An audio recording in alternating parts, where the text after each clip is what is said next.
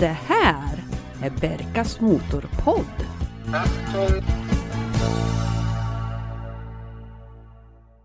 Hallå, hej och välkomna till en ny säsong utav Berkas motorpodd.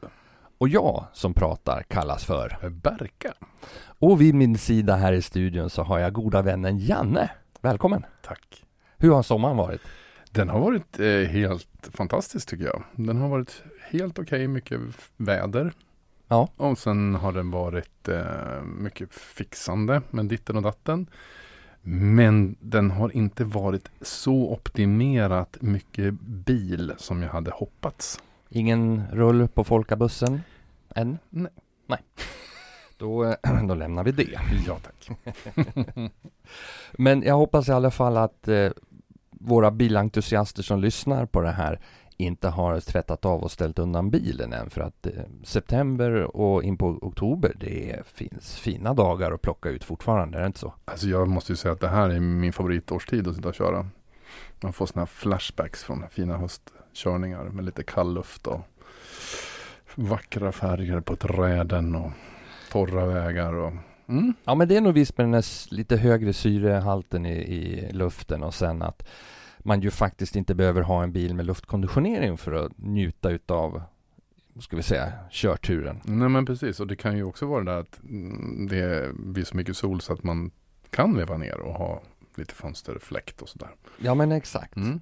Så att eh, det finns ju lite träffar och sådär kvar att åka på som jag också faktiskt tänkte jag Ja, skulle men du har varit duktig på träffar i år. Jo men det har ju varit lite sådär du vet efter pandemin och sånt där. Det har varit sånt. Och vi var ju på den här frukostpremiären Ja. utav Frukostklubben var vi ju Just det, i Stockholm. det var väldigt roligt. Ja, det var ju en otrolig upp, uppslutning där. Jag kunde inte föreställa mig det. Jag gick ju helt och hållet på ditt, din ordination. Ja men det var ju häftigt därför att det var ju uppe i ottan. Mhm. Klockan sex öppnade de. Mm. Och sen så fick vi lite kaffe och vi gick runt och tittade på bilar och surrade med likasinnade. Och sen klockan åtta, ja då, då var det ju över. Ja, då var vi nästan hemma igen. Ja, Eller jag var på hotellet. och så fick vi en hotellfrukost och så gick vi och vila Mm. 45 minuter och sen Mm. var det ju rock'n'roll igen.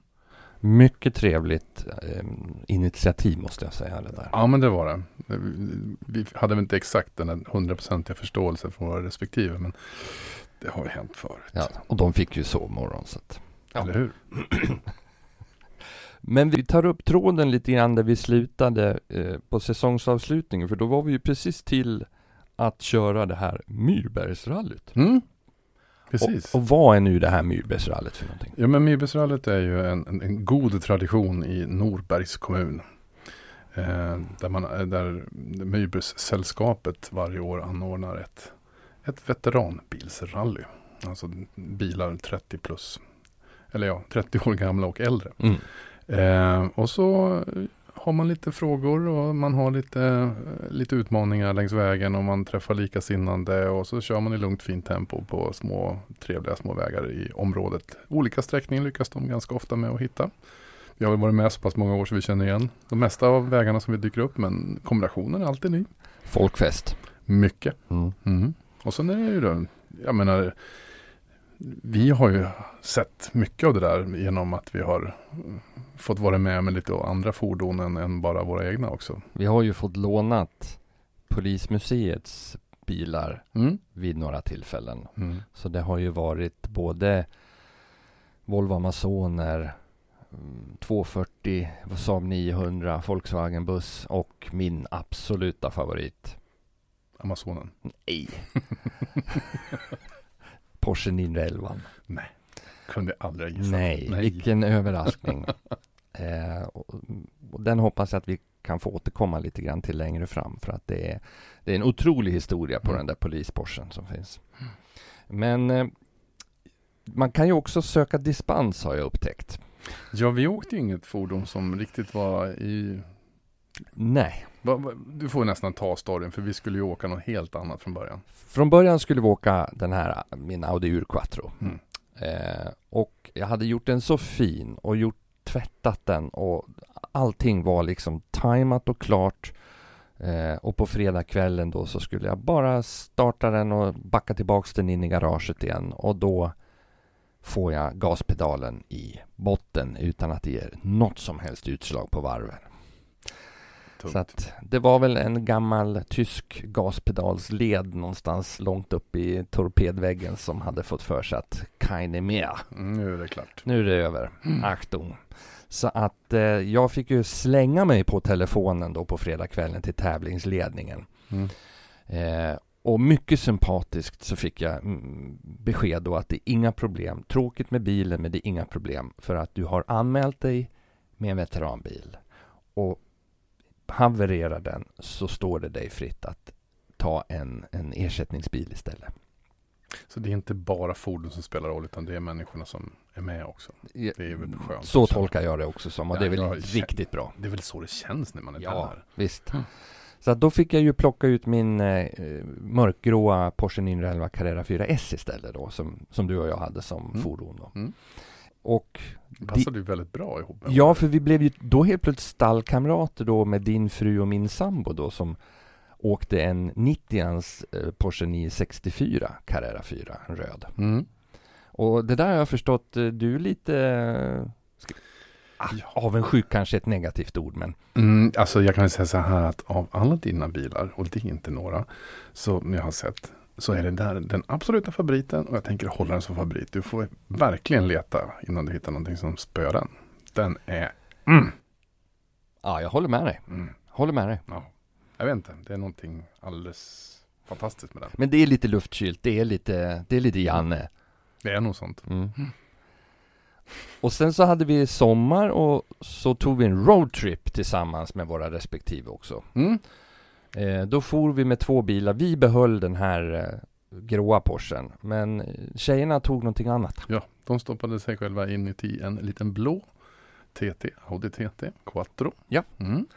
Och då åkte vi ner till ett kompispar som hade varit ute på båtsemester. Och de hade då lagt till längst ute på Värmdö blir det väl va? Mm, det var ju Djurö där. Djurö där ja. Så vi tog våra bilar och for dit och eh, där finns det hotell och sen så finns det restaurang en bit Mm. upp som är fantastisk mat. Ja, det var en sån trevlig kväll. Så den eh, trevliga kvällen, den kommer vi att minnas. Mm. Men sen dagen efter, då satt vi oss i bilarna och så drog vi järnet, höll jag på att säga. Men det, det gick ju ganska långsamt. Men vi tog en annan rutt. Ja men precis. Vad Vi, var det med den här rutten? ja, men det är flera saker med den här rutten. Alltså jag vet inte om du minns, men första gången jag var med och pratade, då var den där rutten med. Ja, just Ja, det. Då, då, då. Julepisoden. Ja, precis. När, när vi, jag kommer inte ihåg vilket fordon jag drömde om Nej. att få åka där, men det var väl kanske någon Swimwagen eller någonting. Eh, men i vilket fall som helst så var det det vi gjorde nu. Ett par färjor och så landade vi. Vi siktade på Vaxholm. Mm. Men in, valde inte liksom åka genom Stockholm utan vi tog skärgårdsturen. Ja, med vä- Vägverkets gratisfärjor. Mm. Riktigt coolt faktiskt, måste Mm. jag säga. Mm. Ja, du var väldigt Jag gick entusiastisk. igång. Ja. Jag tyckte det där var skithäftigt, rent ut sagt. Mm. Och så lunch i Vaxholm. Mm. Och sen tänker man ju sen då, ja, då åker man ju och tar sig så fort ut på motorvägen som möjligt. Men det gjorde vi inte. Nej. För vi hade ett mission. Vi har väl en, en liten gemensamt, eh, eller vi har många gemensamma eh, små nöjen. Men ett nöje vi har det är ju att hitta små grejer på loppisar. Just Har det. vi upptäckt. Just det. Eh, ja, vi ska inte gå in på vilka detaljer men det är lite, lite mekaniska saker Ja. som vi tycker är kul. Och lite Ja. elektrisk och sådär. Lite vintage elektronik kan man säga. Ja, det är väl ett fint ord. Ja. Eh, Hittade vi några loppisar? Nej men alltså vi, vi, vi, gjorde, vi hade ju en taktik. Vi valde ju alltså att inte åka stora vägen till i riktning mot Märsta och, och Sigtuna och sådär som vi tog sikte på. Utan vi sa att vi tar de minsta vägarna. Så vi åkte små vägar ifrån Vaxholm upp mot i princip Arlanda kan vi säga. Mm, det var bra ju. Hur många loppisar stannade vi vid? Vi stannade inte vid en enda en. Det Och fanns ingen det loppis. fanns inga att stanna Nej. vid.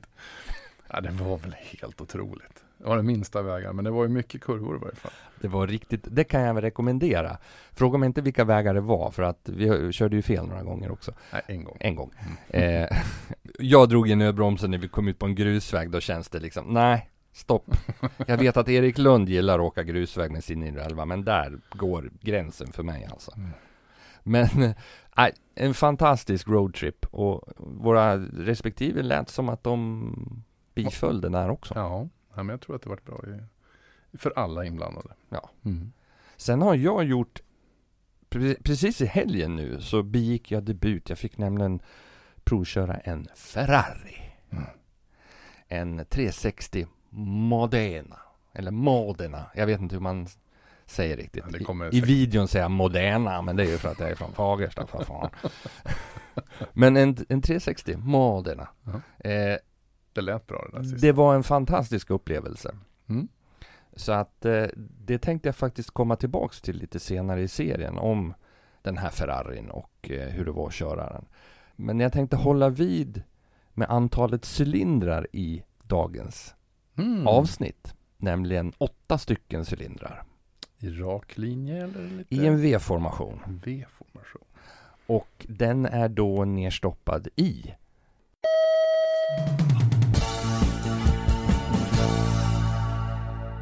Vi ska nämligen prata om Audi S4 Avant 4,2 typ B6.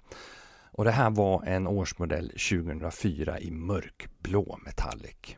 De här gjordes mellan mars 03 och december 04 och hade alltså en 4,2 liters V8 på 344 hästar och 410 Newtonmeter i vrid. Och du kunde beställa den här antingen med automat mm, eller sexväxlad manuell låda såklart.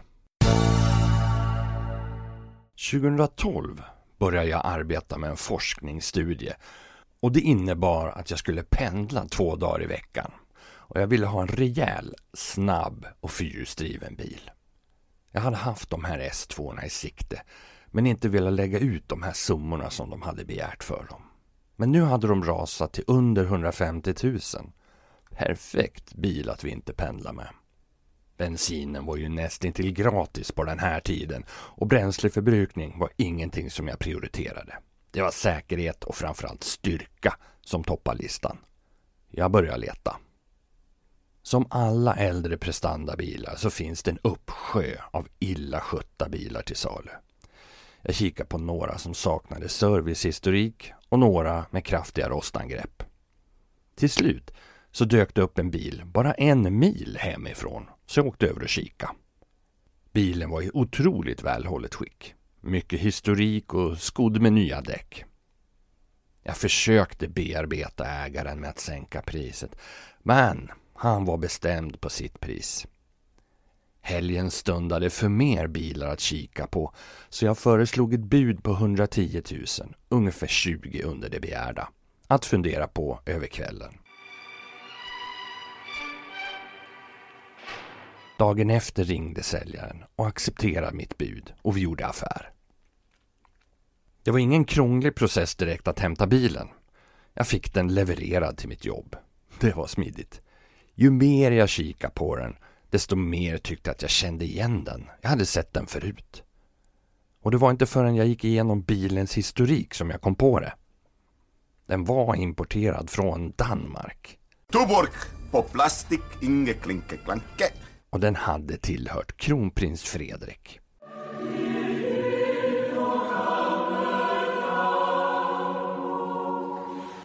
Han är stor Audi-entusiast och det var hans gamla S4 som jag nu ägde. Jag hade alltså sett kronprinsen hemma i Köpenhamn körande sin blå Audi. Nå! Bilen gick förbaskat bra, framför allt när det var snö och vinter. V8 hade ett sobert europeiskt rytande och den sexväxlade lådan, det var en smidig enhet att hantera. Inredningen var delläder med RS-blå Alcantara. Man satt som gjuten i stolarna. Den hade också TV i mittkonsolen. Men eftersom vi hade gått över till digitala TV-sändningar så var det bara Myrornas krig på skärmen. Om man inte körde med den något daterade GPSen. Som många Audi-bilar så var den ganska understyrd. Men tack vare kraften så gick det att ställa ut bakändan och spruta snö. Med sina 110 kilo var det en av världens lättaste V8-motorer när den kom. Men den var ganska törstig. Blandad körning så ville den ha 1,25 liter milen Och blev det mycket stadskörning uppåt en och en halv. Men vad gjorde det?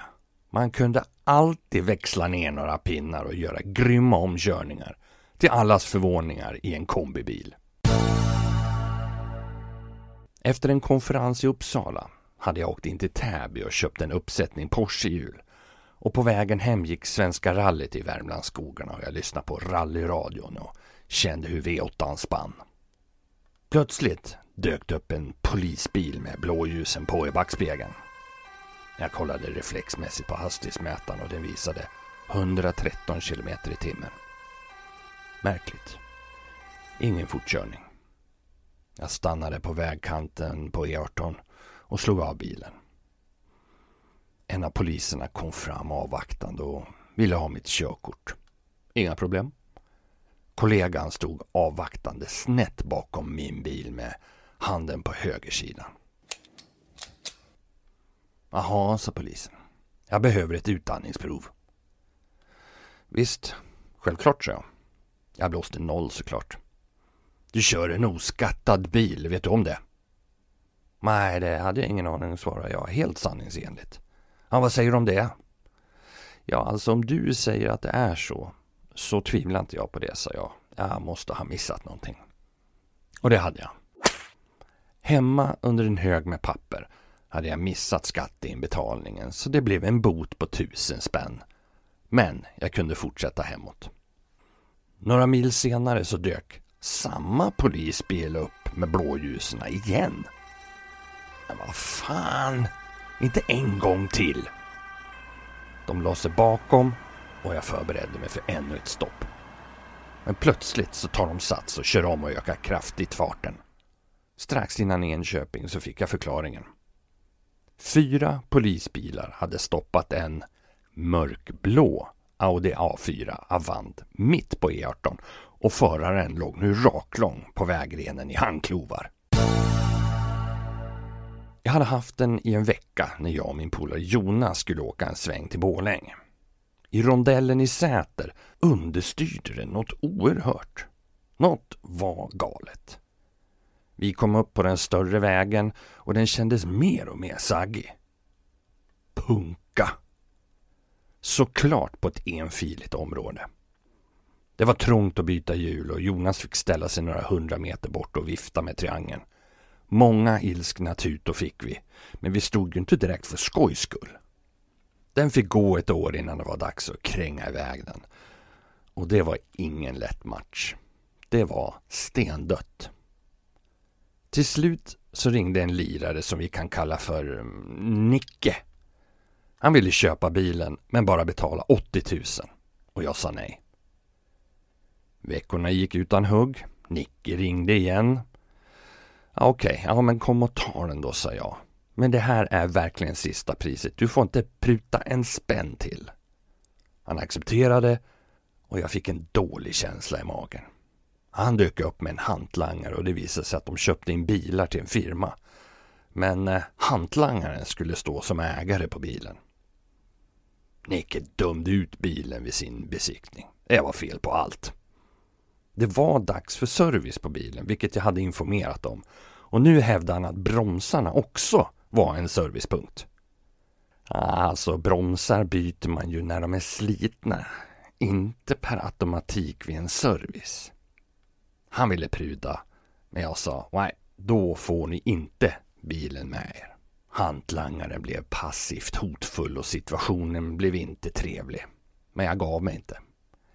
Nicke rasslade fram en postväxel och jag insisterade på att direkt gå ner till banken för att lösa in den. Pengarna fick jag och tog fram ett kvitto på affären. Då ville Nicke att jag skulle skriva under hans kvitto med en helt annan högre summa på. Anledning okänd men eh, jag har mina gissningar. Jag fick mitt kvitto påskrivet och la affären till handlingar som den otrevligaste bilaffären som jag varit med om. Det tog inte lång tid innan jag fick syn på bilen hos den här handlaren. Fortfarande med hantlangaren som ägare och priset var nu 129 000 och den såldes efter någon vecka. Tänk att köparen hade fått den för runt 90 om man bara hade ringt mig istället. Någon begagnat garanti fick han ju inte eftersom ju eh, bilen så att säga såldes av en privatperson. Skicket var väldigt fint. Ingen rost och minimalt med repor. Förra ägaren hade verkligen lagt ner många timmar på polering så den hade ett väldigt fint djup i lacken. Vad tyckte pressen? Ja, vi sitter med lite siffror här nu då. Och 0 till 100 det avverkades på 5,9 sekunder. Och toppfarten den var begränsad till 250 km i timmen. Men då ska man komma ihåg att den här bilen väger alltså 1720 kilo. Nypris? Ja, runt 650 000 beroende på utrustning. Bilannonsglöd, eller? Men älskling, vad ska du med den där till? Mm. Det finns två stycken S4 Avanter till salu just nu på den här stora annonssidan. Det är en manuell och det är en automatlåda som har båda gått omkring 17-18 000 mil. Och den manuella kostar 90 och automaten 119. Eh, så valet är ju ganska enkelt. Man tar ju den för 90 och då får du en riktig manuell låda också.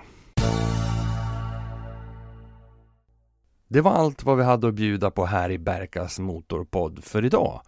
Häng med om två veckor för då fortsätter vi resan på fyra hjul.